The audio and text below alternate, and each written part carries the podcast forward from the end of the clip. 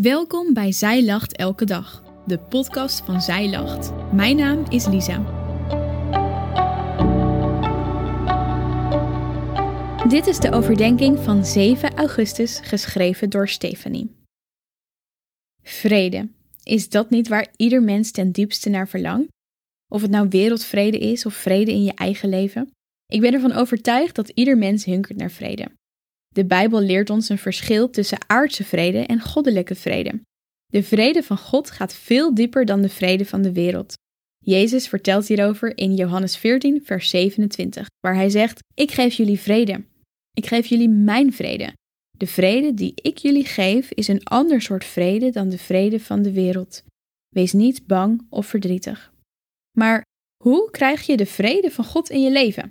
Dat lezen we in Filippenzen 4, vers 6 tot 9.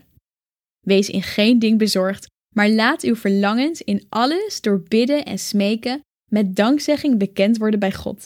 En de vrede van God, die alle begrip te boven gaat, zal uw harten en uw gedachten bewaken in Christus Jezus. Verder, broeders, al wat waar is, al wat eerbaar is, al wat rechtvaardig is, al wat rein is, al wat lieflijk is, al wat welluidend is, als er enige deugd is en als er iets prijzenswaardigs is, beken dat.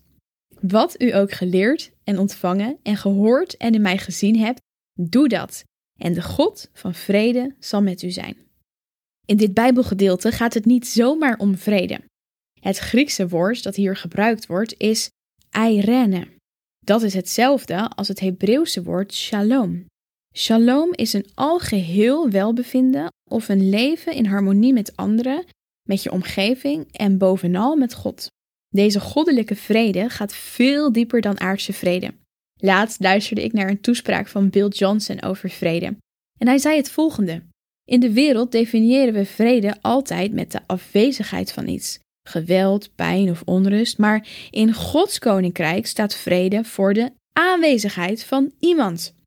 Hierdoor kunnen we zelfs in tijden van geweld, ziekte, pijn of onrust zeggen dat we vrede ervaren.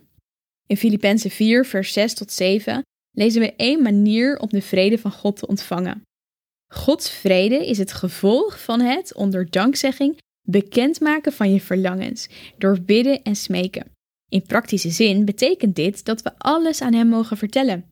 Al onze zorgen, alles wat ons benauwt en verdriet of pijn doet. Vertel het aan Hem en Hij zal je vrede geven.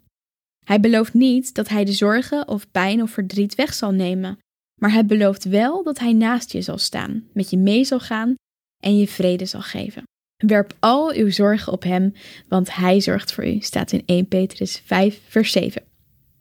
In Filippenzen 4, vers 8 en 9 gaat het om actie.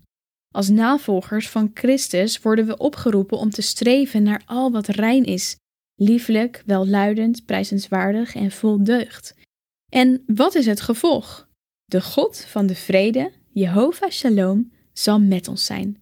De vrede waar het in Gods koninkrijk om gaat. Wat een prachtige belofte.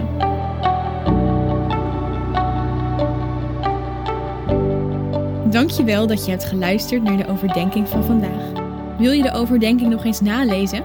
Check dan onze website je vindt daar ook nog meer toffe dingen die jou helpen om de Bijbel vaker te openen, zoals boeken, Bijbels, cursussen en evenementen. Morgen ben ik weer bij je terug met een nieuwe overdenking. Tot dan!